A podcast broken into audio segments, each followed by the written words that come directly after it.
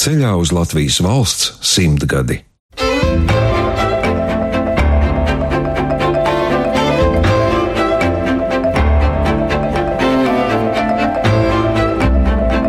Dzimtas saknes Latvijas Radio 1 Svētdienās 11.05. Veronika Strēlērte, Andrejs Johansons un viņu dēls Pāvils Johansons ir ģimene, kas rosina izzināt vairāk par viņiem pašiem un viņu saknēm. Dzimta, kura stipri turas Latvijā, taču pasaules notikumi abus vecākus Veroniku un Andreju 1945. gadā pārceļ uz dzīvi Zviedrijā. Tur 1947. gadā piedzimst dēls Pāvils. Mani sauc Laima Slava, un es piedāvāju doties gan uz Zviedriju pie Pāvila Johansona un viņa sievas Lotes, gan apmeklēt Zviedrijas Karalisko bibliotēku Stokholmā, kur strādā kultūra vēsturnieks Jānis Krēsliņš un daudz zina stāstīt par Andreju Johansonu, gan ieklausīties atmiņās un pētījumos, ar ko labprāt dalās Latvijā un Zviedrijā sastaptie kultūras ļaudis, kuri dažādos veidos iepazinuši šo dzimtu. Kā es tevi mīlu, cīrulīt, to es tikai gribu pasakīt. Būsi manā arī rīt no rīt, citu rīt, nākotnē. rudenī, kad liepām lapas krīt. Vai tu vari tad man apsolīt? Atkal būt pie manis nākamgad,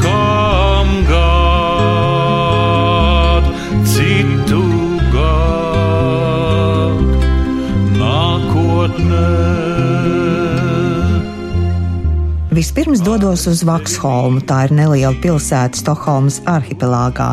Te mīt dzēnieks, mūziķis un pedagogs Pāvils Johansons ar sievu pilnajā vārdā Annu Šarloti Viktoriju Boneri. Viņa starp citu ir dramaturģe, rakstījusi arī kino scenārijus. Bet man šīs dienas stāsts būs galvenokārt par Pāvilu Johansonu un viņa vecākiem dzēnieci Veroniku Strelerti un kultūrvēsturnieku Andreju Johansonu. Pāvils mani sagaida jau autobusa pieturā, pa ceļam rādot Vaksholmas jauno skolu, arī veikalu un citas svarīgas lietas un vietas. Tīkama mājas atmosfēra, nesteidzīgas sarunas un ģimenes albumu šķirstīšana palīdz iepazīt šīs dzimtas senākos pārstāvjus. Och där kan du ta. Men sen är det finito tror jag. Det är Jā, nu ir bezgala daudz, vai ne? Bet, uh, Pāvila tēvs Andrejs Johansons kādā no fotografijām redzams kopā ar saviem vecākiem. te viņam ir seši gadi. Tad, uh, 28. 28. gads. jā. Andrejam skolu sākot. Tas ir īpašs, Lipsītai, nu, tā, tā, jā, nu, tā bija īpaša diena, protams. Jā. Bet māte bija diezgan strema, stingra tāda. ne? Kad jautāja Pāvilam par dzimtu un tālākiem senčiem, ko vecāki par tiem stāstījuši, viņš atzīst. kaut kādā veidā dzīvoja tagadnē un nākotnē. Šo to jau stāstīju, vai ne? Bet nedaudz, un man diezgan vāja atmiņa attiecībā uz vārdiem. Manam tēvam nebija nekādu brāļu vai māsu. Laikam, esot bijis viens brālītis, bet tas esot agri nomiris. Tēvs strādāja tekstīlu rūpniecībā. Viņš bija kaut kāds vadītājs. Un māte, es domāju, bija pa mājām. Tēvs ar savu tēvu mīlēja ļoti pastaigāties un izstaigāja visu Rīgu bieži vien. Jeb arī viņš viens pats staigāja un pastaigājās. Viņš bija rīznieks, vai ne? Viņš bija rīznieks, jā, jā īsts rīznieks, vai ne? Un tāpēc jau arī viņa grāmatas ļoti bieži saistās ar Rīgu, kā Rīgas svārki mugurā un visi Rīgas nami skan un vecs Rīgas ziņu grāmata. Un arī tādā biezajā grāmatā Latvijas kultūras vēsture no 1710. līdz 1800. gadam arī tur ir liela saskaršanās ar Rīgu. Tāda Rīga ir viņa pilsēta, varētu teikt. Tēvs esot pētījis kamēr bija vēl iespējams, kādi agrākie senči varētu būt bijuši.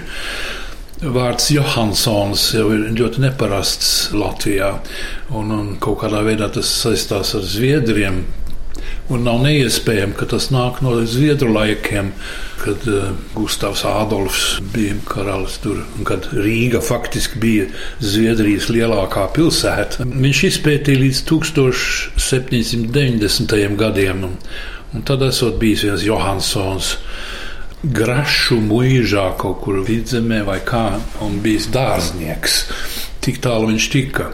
Bet bija jau ļoti grūti izsekot uh, senčus sakarā to, ka pierakstīja vārdus baznīcas grāmatās un tā, bet eh, kara laikos daudz kas pazuda vai ne tā. Savukārt Pāvila māte Veronika Strēlērte nāk no kuplas ģimenes. Radio ir tā brīnišķā iespēja glabāt atmiņu stāstus, arī balss ierakstus, un tā 1989. gadā Rīgā Veronikas Strēlērtes dzējas vakarā Anna Egliena dzēniecei vaicā. Varētu mums pastāstīt tieši par šīm savas dzimtas saknēm, par vecākiem, par vecākiem vecākiem, par māti. Jā, un... kas attiecas uz vecmāmiņu. Tad šī fotografija man arī ļoti patīk, un man jāatzīst tikai, ka esmu redzējis viņu vienreiz mūžā. Man bija kādi septiņi, astoņi gadi. Es biju laukos, smulku mājās, un tad man teica, nu, ieiet tajā istabā, tur tev vecmāmiņa. Sasveicinies ar viņu un neaizmirst nobučot roku. es iegāju. Un man šī sieviete bija pilnīgi sveša. Es viņu pirmo reizi redzēju, tāda liela sieva, bozi rokā. Nu, es pārvarot savu pretīgumu, nobučoju ar to roku. Tad viņa prasīja, vai tu esi tā Jālgavas meitas meita. es teicu, esmu gan. Un tad tūlīt devos ārā pa durvīm, savu pienākumu izpildīju. Attiecībā pa māti. Māte esot jaunībā bijusi rīta ļoti labi balss apveltīta. Un piedalīsies dziesmu svētkos, un abi ar tēvu arī bijuši teātris spēlētāji, čakli. Māte ir dziedājusi, es nezinu, kuros dziesmu svētkos, bet kopā ar Malvīnu Vīgneru Grīnbergu tādu duetu. Man liekas, dzīvība par ceru bija kāds tāds uzvedums. Tas jau bija ceru laikā. Māte bija mm, mājas cilvēks. Es neatceros tāda gadījuma, kad viņa nebūtu bijusi mājās, ka es būtu pārnākusi un mātes nav. Kad, tā kā Jauns Drapiņš apraksta vienreiz savā baltā grāmatā, ka viņš pārnāca mājās un mātes nav. Nu, man tāda gadījuma nebija faktiski. Māte vienmēr bija mājās. Un mēs tā kā bites lipām viņai apkārt, viņa pa visiem gādāja. Viņas balss nebija skolot, viņa tā jau aprūsē, bet joprojām svētdienās. Tēvs spēlēja korāļus uz klavierēm un māte dziedāja ar savu diezgan plīto balsi. Te vietā literatūras zinātnieces Ievas Kalniņas izzinātais par Veronikas īstajā vārdā Rudītes kuplo ģimeni. Strēlerte ir jaunākais bērns Strēlerte ģimenē, kurā ir pieci bērni, gadu starpība ar vecākajiem ir diezgan krietna, ar jaunāko brāli tie ir desmit gadi, un Rudīte ir tāds vēlo gadu bērns vecākiem, varētu teikt. Un tā kā viņa dzimusi rudenī, oktobrī, tad tēvs bija nolēmis viņu nosaukt par rudenīti. Bet mātei tas savukārt bija licies, nu, tā kā pārāk drūmi meitenei, un tā radās vārds rudīte, un patiesībā tas ir strēlertu ģimenes pirmdarinājums, bet viņai savs vārds nevisai patika, un vēlāk viņa pieņēma tādu kā pseidonīmu, nu tad tā iegājās, ka viņa ir Veronika. Zināms arī tas, ka viņas tēvs bija žurnālists kādu laiku, kas arī darbojies ar pseidonīmu. Jā, rakstniecības un mūzikas muzejā glabājas manuskripts, kuru uzrakstījis Veronikas Strēlētas tēvs Kārlis Strēlēts, kur viņš stāsta par savu jaunību un par tādiem spēka gadiem.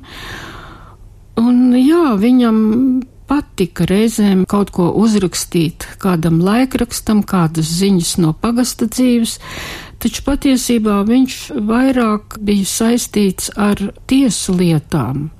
Bet par mammas brāļiem turpina Pāvils Johansons. Vecākais brālis pazuda Krievijas revolūcijas laikā, jā, ļoti jauns.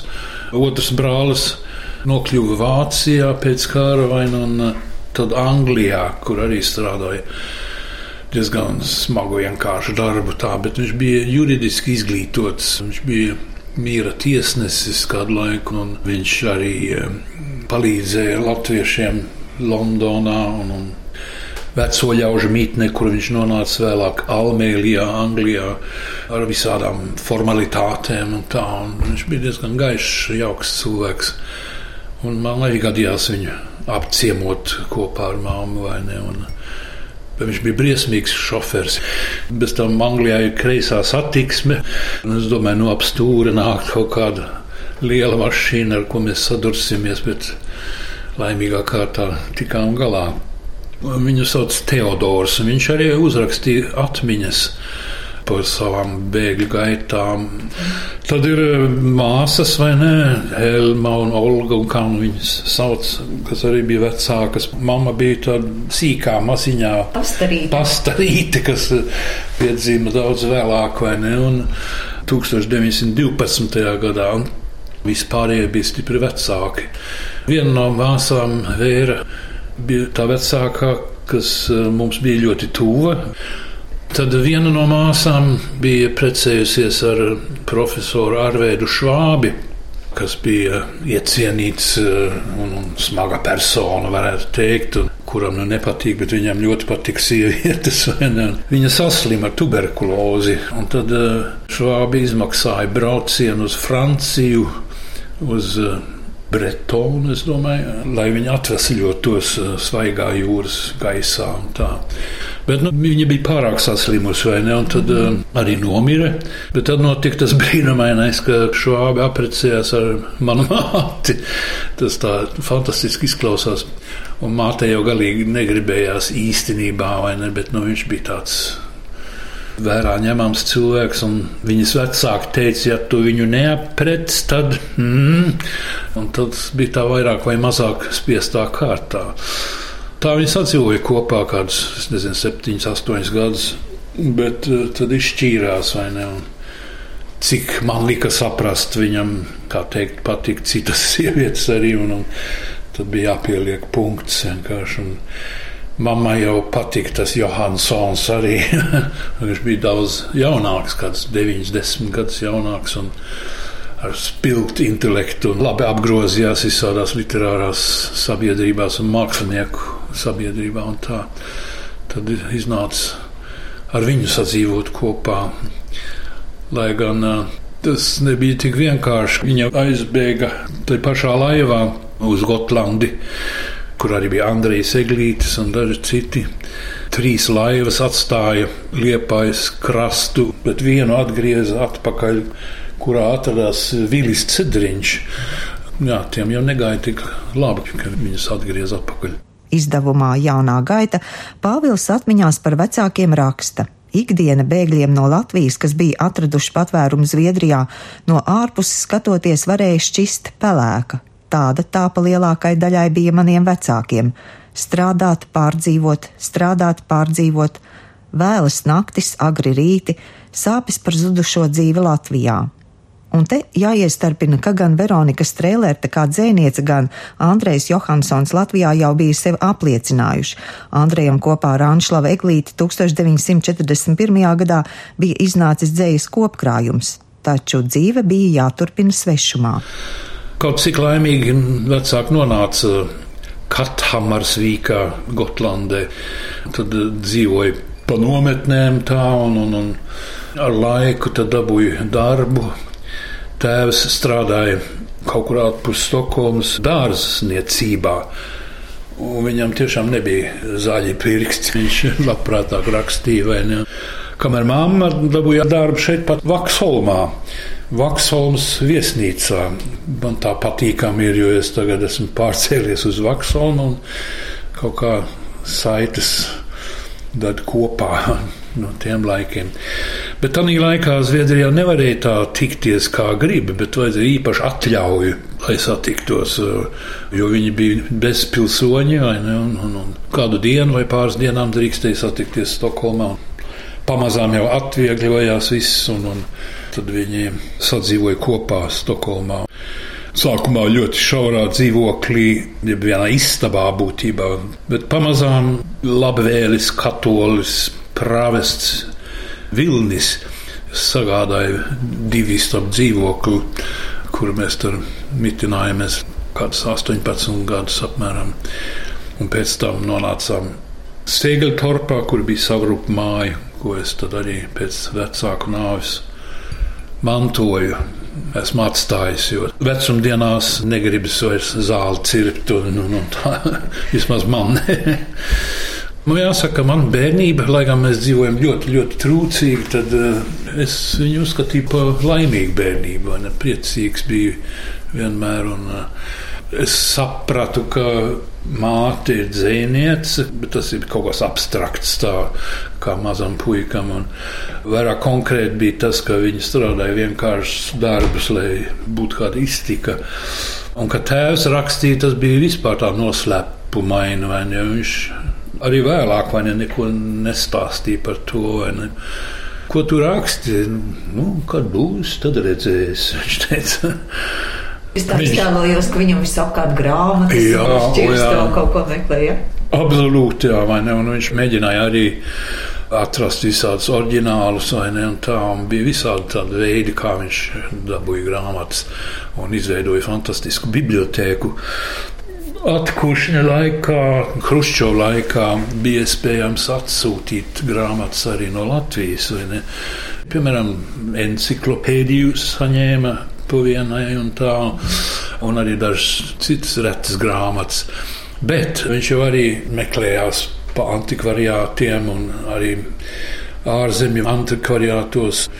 Tajā laikā jau bija katalogi, vai ne, nebija internets. Tad meklēja, kas varētu būt derīgs. Un viņam bija diezgan cieša saraksta ar, ar antikvariātu īpašniekiem. Hiršhaits bija viens, piemēram, kas bija specializējies uz Baltiku un tā. Lai gan šķietam haotiski bija saliktas grāmatas, viņš zināja eksakti, kur katra grāmata ir. Viņam patikās salikt grāmatas pēc auguma, tāda estētiska izjūta. Ne? Teiksim, galos tās lielās, un tad uz vidu tās, kas nebija tik lielas. Ne, Sava veida harmonija bija arī ne, no estētiskā viedokļa. Bet jā, viņš bija īsts grāmatnieks, tā varētu teikt. Te īstais brīdis uzklausīt kultūra vēsturnieku Jāni Krēsliņu, kurš augstu vērtē Andreju Johansonu un joprojām uzskata par vienu no gudrākajiem latviešiem. Ar viņu tiekos Karaliskajā bibliotēkā Stokholmā, un šī ir īsti piemērota vieta sarunai par Andreju Johansonu arī ļoti daudz plakšņains, un kā šādi cilvēki mēdz būt, tie ir savdabīgi. Viņš bija diezgan rezervēta personība, izņemot šaurākā lokā, kad viņš patiešām varēja atraisīties. Otrs ir tas, ka viņš ir vienreizējs novērotājs.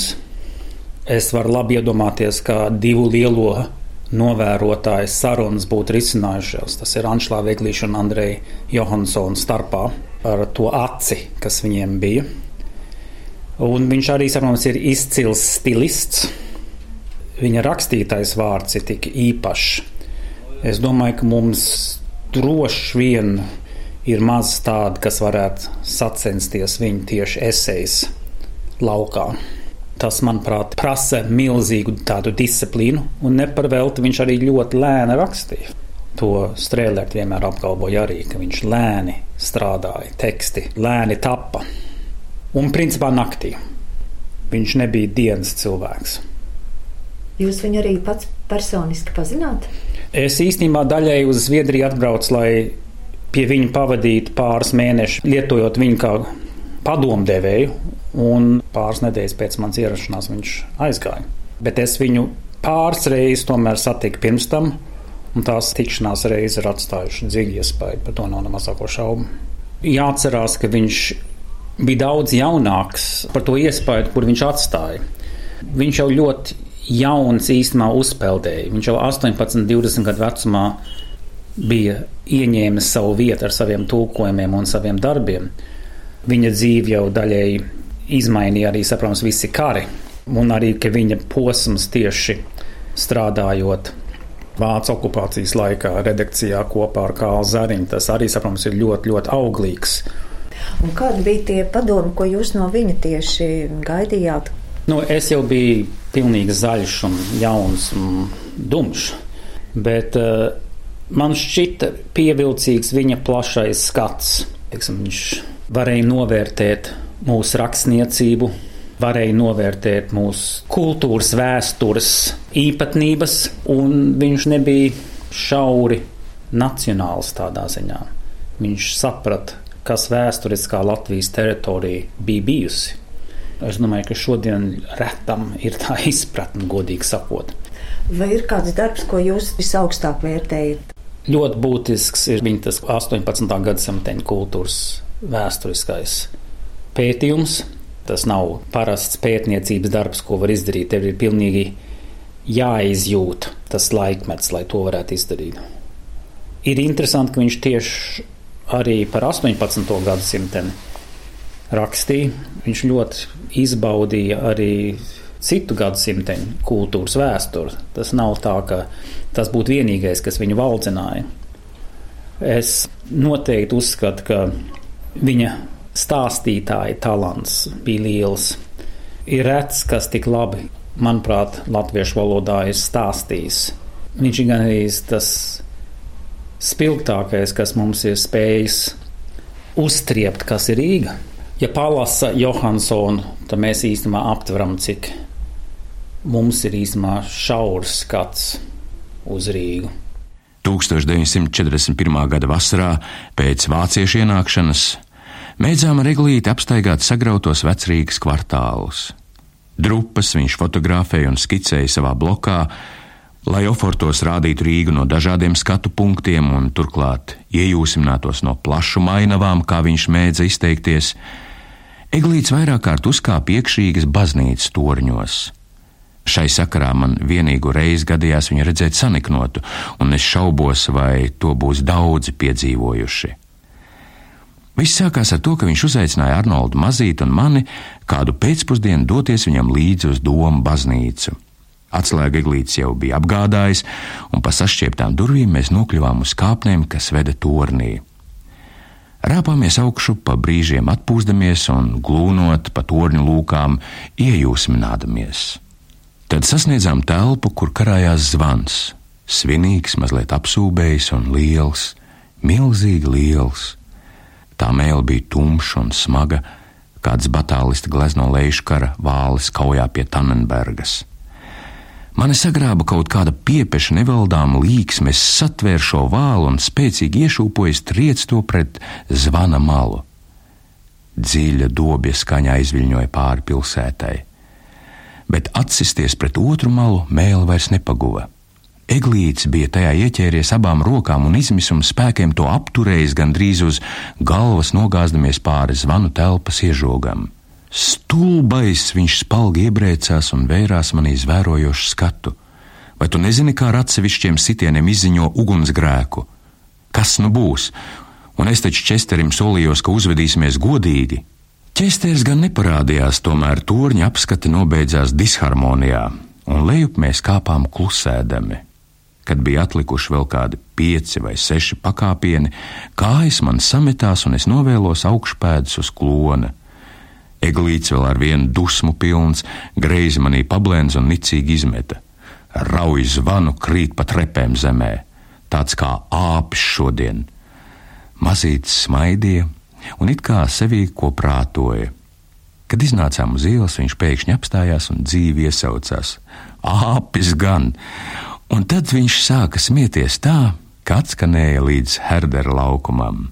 Šis bija fragments no Andreja Johansona atmiņu grāmatas Rīgas svārki mugurā, aktiera Jāņa Skaņa lasīts.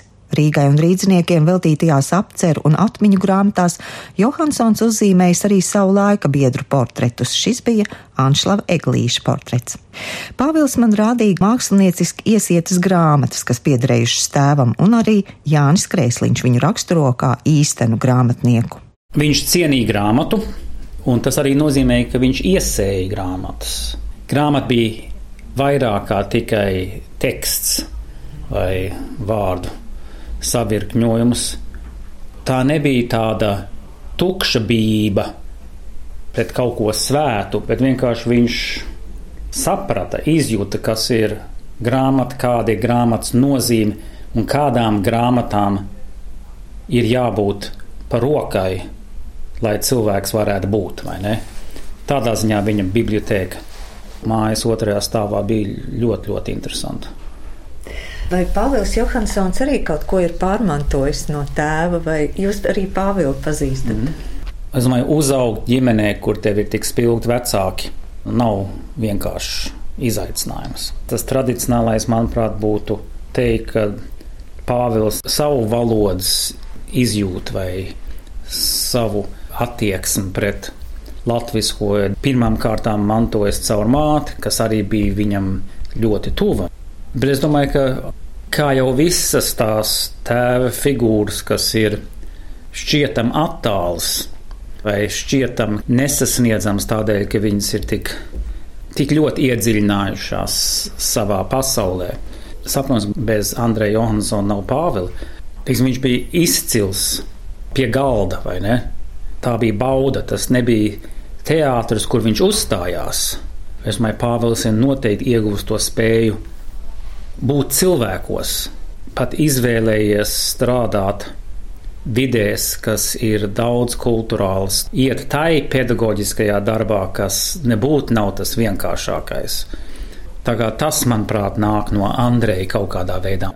Pāvils ir stāstījis, viņa tēvs jau viņu aizveda 58. gadā uz futbola pasaules meistars sacīšu finālu starp Brazīliju un Zviedriju. Tas bija šis intelektuāls, kurš mīlēja sportu un tā tālāk. Nevis varbūt pats tik daudz sportoja, bet vienkārši viņam tā ainava viņam ļoti patika, jo tā savā ziņā saturēja, varētu teikt, visas dzīves skatuvi. Turpinot par tēvu, Pāvils Johansons atklāja, kāds viņš bija sadzīvē.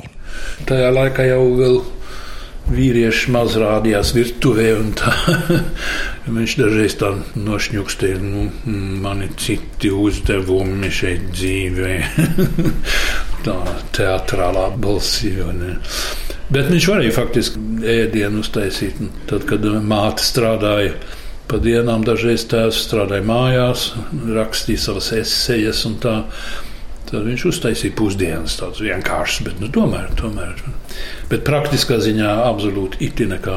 Ne? Tad viņš vienmēr prasīja man vai lika kādam amatniekam izdarīt darbu. Viņam bija cits starpā ļoti liela cieņa pret uh, amatniekiem. Viņš tiešām izrādīja cieņu.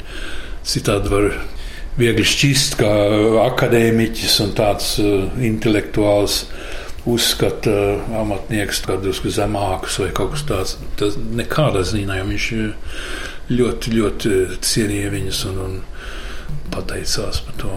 Tad uh, par viņa māti ir diezgan grūti izteikties. Cik saprotu, vēsas attiecības. Tā, kas uzturēja kontaktu ar vecmāmiņu, tā puse bija mana mamma, vai ne? Un sūtīja viņai tajā laikā sūtīja pats ziņas vai ne ar nepieciešamībām un tā, un drēbes un visu kaut ko. Tādā kontakts nebija liels. Es darboju dažreiz kādu vēstulīti un kartīti ļoti glītā rokrakstā. Bet man neizdevās viņu satikt, diemžēl. Es pirmo reizi biju Rīgā 1973. gadā, kas jau ir samērā agri tomēr, bet tad jau viņa bija aizgājusi, diemžēl. Savās atmiņās par vecākiem Pāvils apraksta arī braucienus uz Latviju kopā ar māti. Tā lasu. Šis brauciens salīdzinājumā ar šodienu ilga vairāk nekā civilizētā pasaulē uz citu kontinentu. Tomēr māte un es, vismaz savā nenobriedušajā dzīvē, visu pieņēmām. Uzdrīkstējāmies kopā parādīties tajā laikā stipri krieviski ietekmētajā Rīgā.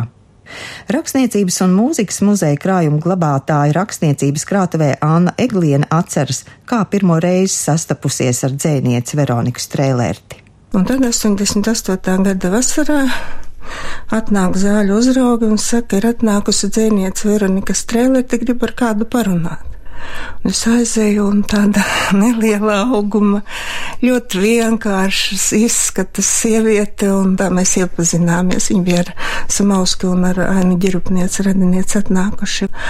Un tad mēs iegājām krātuvē, kas nu bija to parādīja viņai, un tur bija viena tāda rokrakstā liela izmēra klāde ar viņas dzīvoļiem. Viņa skatās, viņš saka, nē, bet eh, man tādas klades nebija. Saka, tas rokraksts jūsējais? Nu, tas rokraksts ir mans, bet tā klāte nav mana. Tas ir tāds otrais gadījums, kad dzinieks pats ir aizmirsis kaut ko no saviem darbiem. Nu jā, un tad bija 89. gadā, tad jau bija tāda lielāka tikšanās. Mums bija izstādē trimdniekiem, un uh, viņa pirmo reizi bija kā dzēniece Veronika Strēlēti brauc jau uz Latviju. Viņa no 73. gada dzīvoja viesnīcā Latvijā. Tad mēs braucām pretī uz Tallinu. Tas bija drīz pēc Baltijas ceļa, augusta beigās.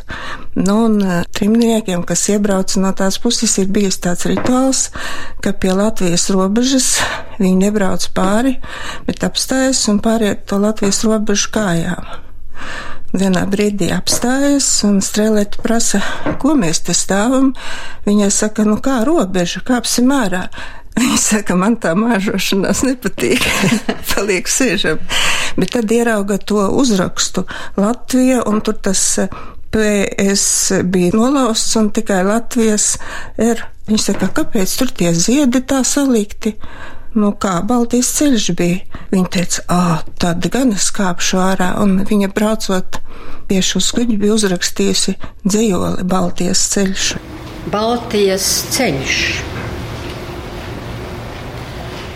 Roka pie rokas, lai pulsu dzird citam, sev un citam. Griba pie gribas lai pazīt var draugu no acu zivas. Un pierē rieva par tiem, kas šeit būtu, bet kas jau pie dieva. Un tad bija viena tāda reize, kad viņai bija tie 80 gadi, un tad Karina Geikina, kas burvīgi veidoja ekslibru raidījumus to laiku, ciemojās un filmēja viņu. Un, un tad bija saruna par trimdu un bēgļu laikiem, un Karina jautā, kurš bija jūsu dzīves grūtākais posms. Nu, varēja domāt, ka no tā tošanās trimdā un tā. Viņa teica, kad es apprecējos ar šābli. Karina saka, nu, kurš tad bija jūsu dzīves tāds gaišākais posms? Nu, tad, kad es apprecējos ar Johansonu. Vispār viņa bija ļoti tieša. Viņa stāstīja no bērnības laikiem, ka krustmāte atbrauc ciemos un nu, sava dāvanas, un viņš saka, man tur ir jānāk un jābūt klāt, un viņš saka, bet, nu, man neinteresēja tas viss tur tā. Viņš saka, un es skatos uz to krustmāti, viņai tāds iegarēns zots, Un es viņai saku, tu izskaties pēc kazas. Un viņš saka, tad gan es dabūju bārienu. Tikpat spilgti ir Veronikas Strēlētas bērnības atmiņu tēlojumi, to pavisam desmit, un viņas rakstu trešajā sējumā tos varēs lasīt, bet ar vienu no tiem tā tas pieņemts iepazīstina Ieva Kalniņa. Pieklājīga uzvedība kļuva aktuāla, kad pie mums atbrauca mātes māsa Malvīna palīdzēt sarīkot kāzu mielastu vienai no manām māsām, kas precējās. Malvīna bija palikusi neprecēta, bija kupla miesās, bet seja izskatījās vienmēr it kā dusmās saviepta, lai gan viņa bija labsirdīgākais cilvēks pasaulē. Viņa nu sāka mani dīdīt galda manierēs, kas man bija gluži svešas, jo ne bēgļu gaitās Krievijā, ne arī vēlāk pēc apmešanās laukos par tādām lietām netika domāts. Negrūd nazi līdz spalam sviestā, nelaizi pirkstus, nevicini dakšiņu citiem gar degunu, nestaipies pāri galdam, bet palūdz, lai pasniedz, ko vēlies, un aktu mūžīgais tēvs nebāz taču nazi mutē. Pēdējais aizrādījums man likās bezjēdzīgs. Kādēļ tad nevar nazi bāzt mutē, vaicāja viņai diezgan piktā tonī. Tāpēc, ka var sagriezt lūpas vai mēli. Tās nu bija tīrās aplamības. Sagriezties ar neaso galda nazi, tad jau dakšiņa bija daudz bīstamāka. Kad braucām preču vagonā uz Krieviju, kabatas ķelzītes bija gandrīz vienīgais galda daikts, un ar to pietika. Lai būtu kas silts, ko iest, uz mazās krāsniņas vagona galā, tad uzlika pannu, uzčurkstināja žāvētas gaļas, kuras tad uzdūra uz nazīšu un bāzi mutē bez bēdām. Ar to pašu nazīti vēlāk izkasīja pēdējās tauku paliek spanniņā un apēda rupmaizes gabaliņu. Vai tur bija kāds negods? Mēģināja Malvīnai ieskaidrot, bet viņa tikai atcirta. Nav ko tik gari runāt, tā tas pieņemts. Anna Egliena līdz paņēmusi arī dažas fotogrāfijas uz eh, Dobels kapiem, kur pēc eh, strēlērtas aizbraukšanas no Latvijas divu gadu laikā tur tika apglabāti tēvs, māte, māsa un mātes māsa, četri cilvēki, un tad strēlērta teica, ka viņi to ziņu saņēma tad, kad jau tikko bija piedzimis Pāvils, un eh, viņi saņēma to ziņu, viņi teica, un tad Pāvils palika bez piena. Tad 89. gadā, kad e, atbrauca un kad, kad braucām, tur bija arī dobelē pasākums, un tad viņi pirmo reizi bija pie savu vecāku kapa Un tā bija viena no divām reizēm, kad es redzēju, ka dzēniece arī raud, jo citādi viņa, nu, tā likās, ka viņa visu uztver uh, lielā mierā. Nu jā, un pēc tā pasākuma, kad viņi visus iedus aizveda uz dobelskapiem, Strēlēti man iemācīja, ar eh, patiku skatīties uz zemgales līdzenumu. Un viņai pirmā krājumā arī ir cejolis zemgales līdzenums no tava plašuma, lai prāts mans mācās un mana sirds no debesis izmainās. Un tad, kad kopā ar viņu braucam, tas tā paskatījās ar viņas acīm, tad bija tāds liels rudzu lauks līdz pamalēju un vizēja saulē, un es domāju, nē, nu jā, ir viņai taisnība, ir skaisti arī zemgales līdzenuma. Un tad arī uz to viņas 80. dzimšanas dienu, kas bija Nacionālā teātrī, viņa bija uz skatuves, sēdēja tādā skaistā krēslā pie tāda galdiņa. Galdiņam otrā pusē bija otrs tāds pats krēsls, tur sēdēja Dina Kupli, kur arī runāja viņas dzēja tajā vakarā.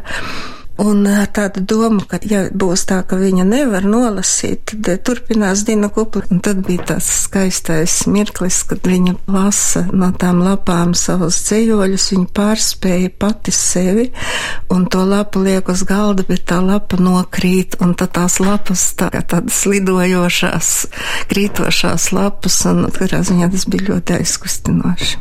Tad tā bija pēdējā reize, kad viņa bija Latvijā. Toreiz man iespiedies prātā tāds mirklis, ka viņa iznāca vienu uz Nacionālā teātra skatuves.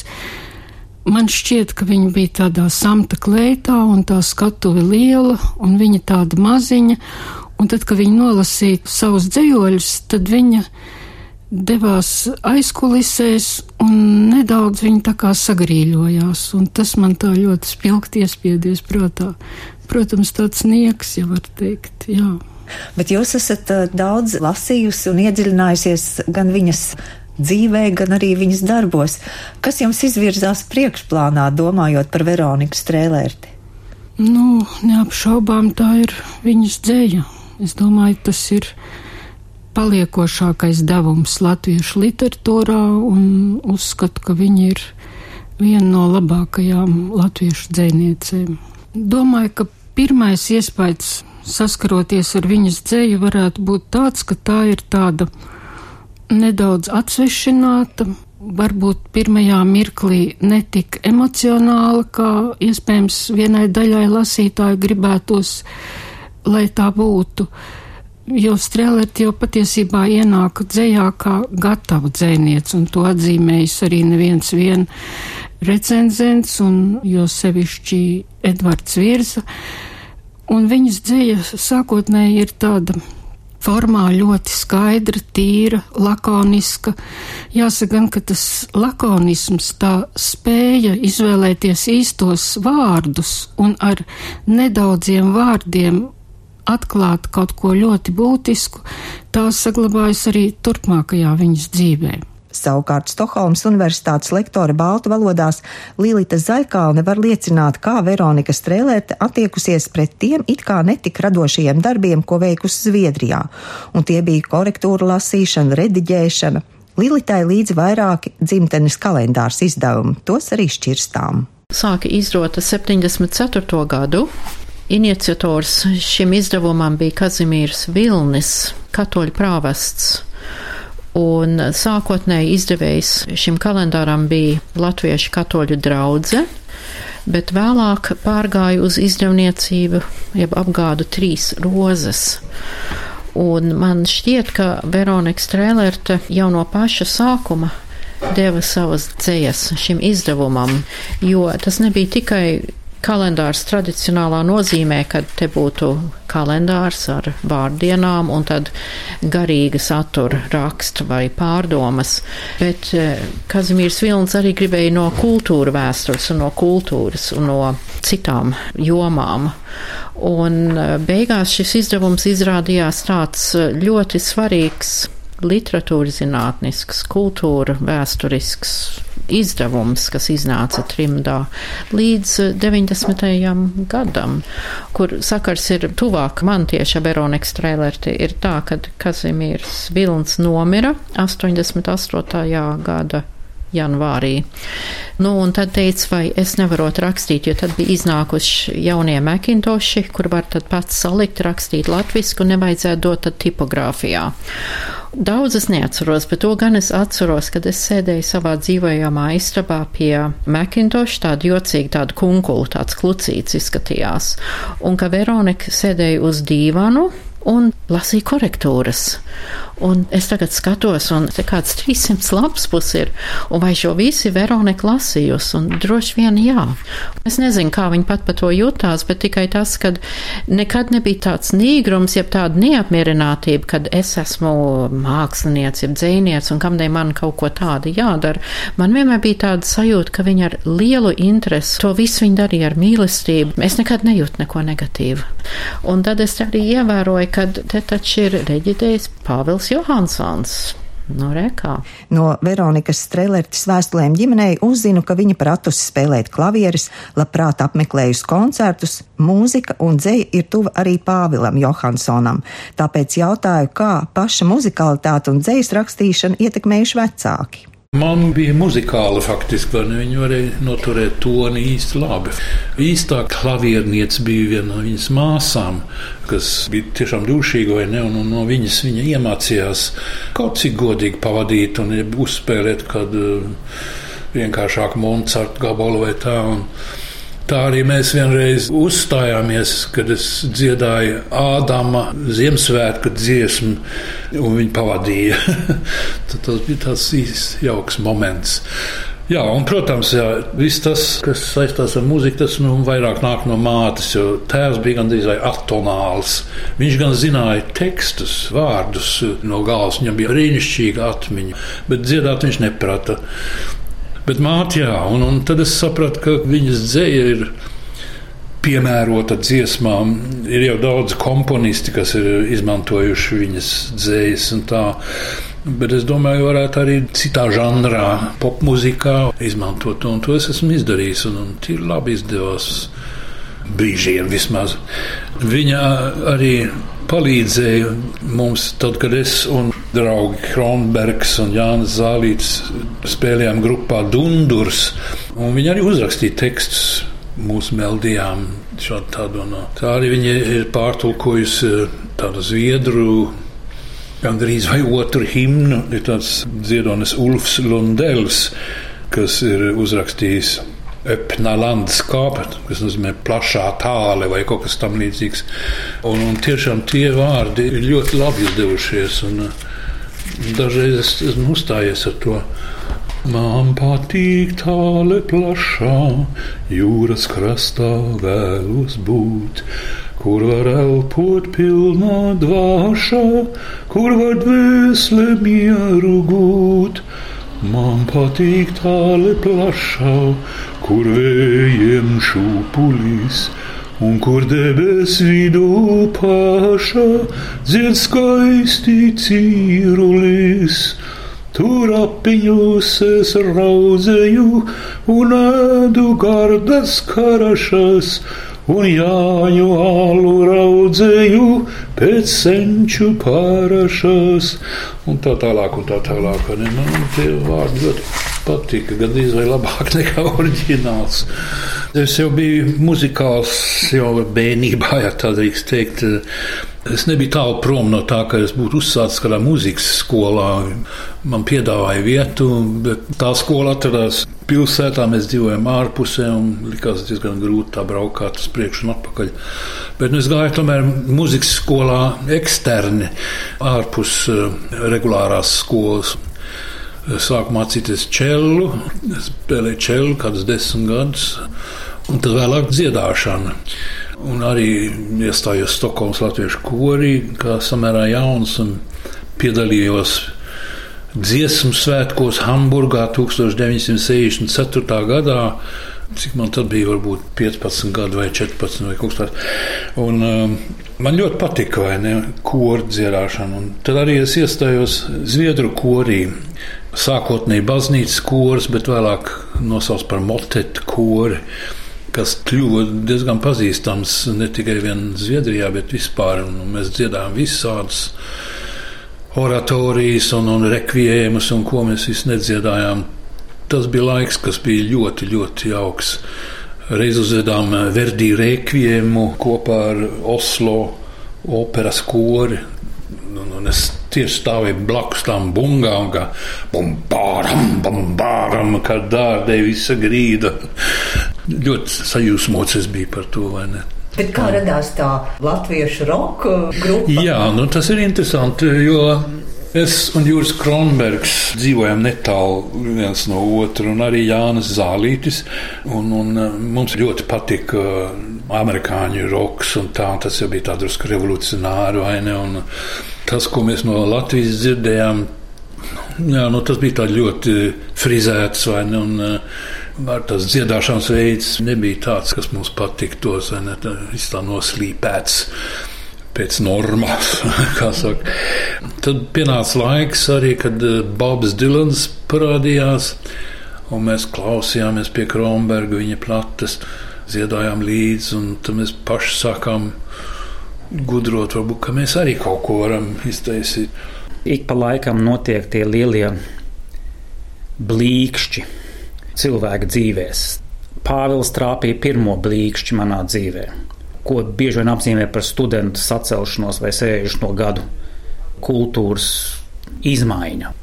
Teiksim, tēvi grib, lai viņa dēli ir kā viņi ir, un dēla mērķis ir būt tik atšķirīgiem, cik vien iespējams. Bet uh, Pāvils vairāk kā jebkurš cits iemieso tieši šo posmu.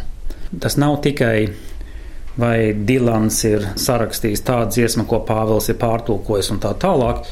Tas ir arī vairāk uz vispārējo skatu, jo viņš savā ziņā ar savu darbību, ar savu dzīvi ir spējis tās revolūcijas būtību saglabāt.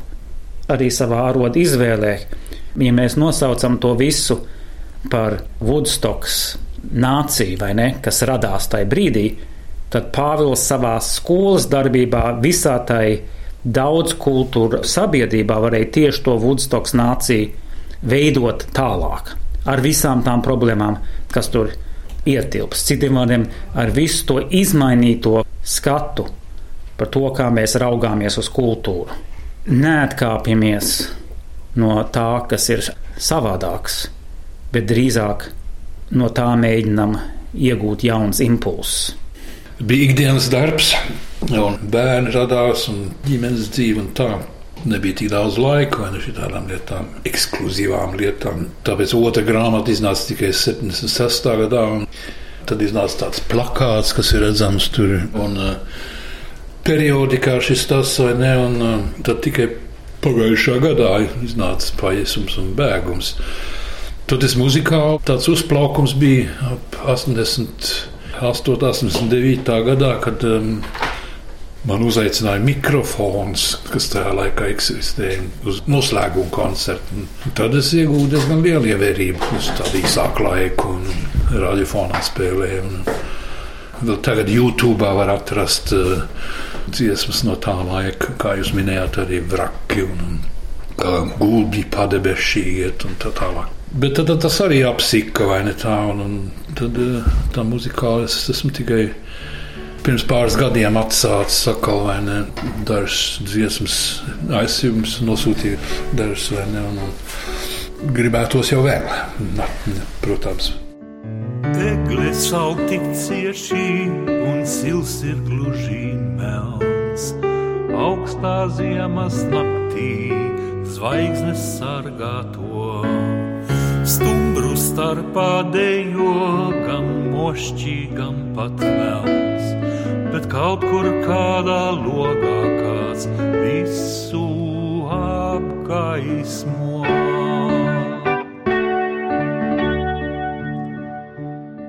Pāvils Johansons ir strādājis un augstu vērtēts kā pedagogs. Desmit gadus viņš bijis skolas direktors, strādājis arī ar grūti audzināmiem bērniem, pats izgājis latviešu sestdienas skolu, lai strādātu par skolotāju un vēlāk arī par tās vadītāju.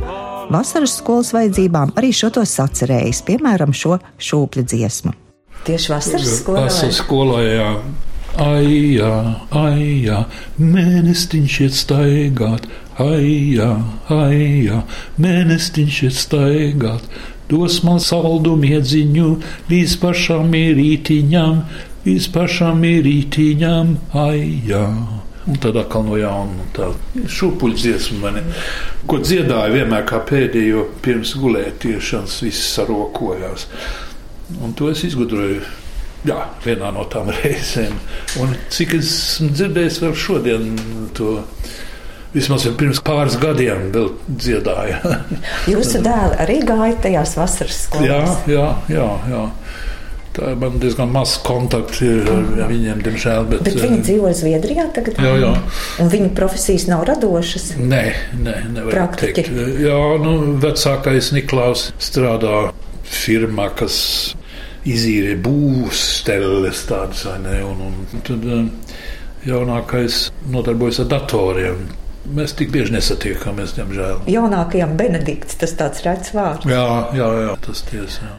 Šajā brīdī likšu raidījumam daudz punktu, jo atmiņu stāsti par Strēlērtas un Johansona dzimtu noteikti turpināsies, bet par šī raidījuma skanējumu un saturu gādāja Laima Slava un Valdis Raitums, producente Santa Lauga.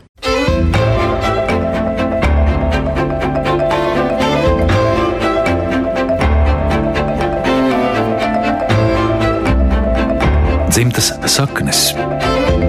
Latvijas Rādio 1. Svētdienās, 11.05. Izskanēja Latvijas valsts simtgades programmas raidījums.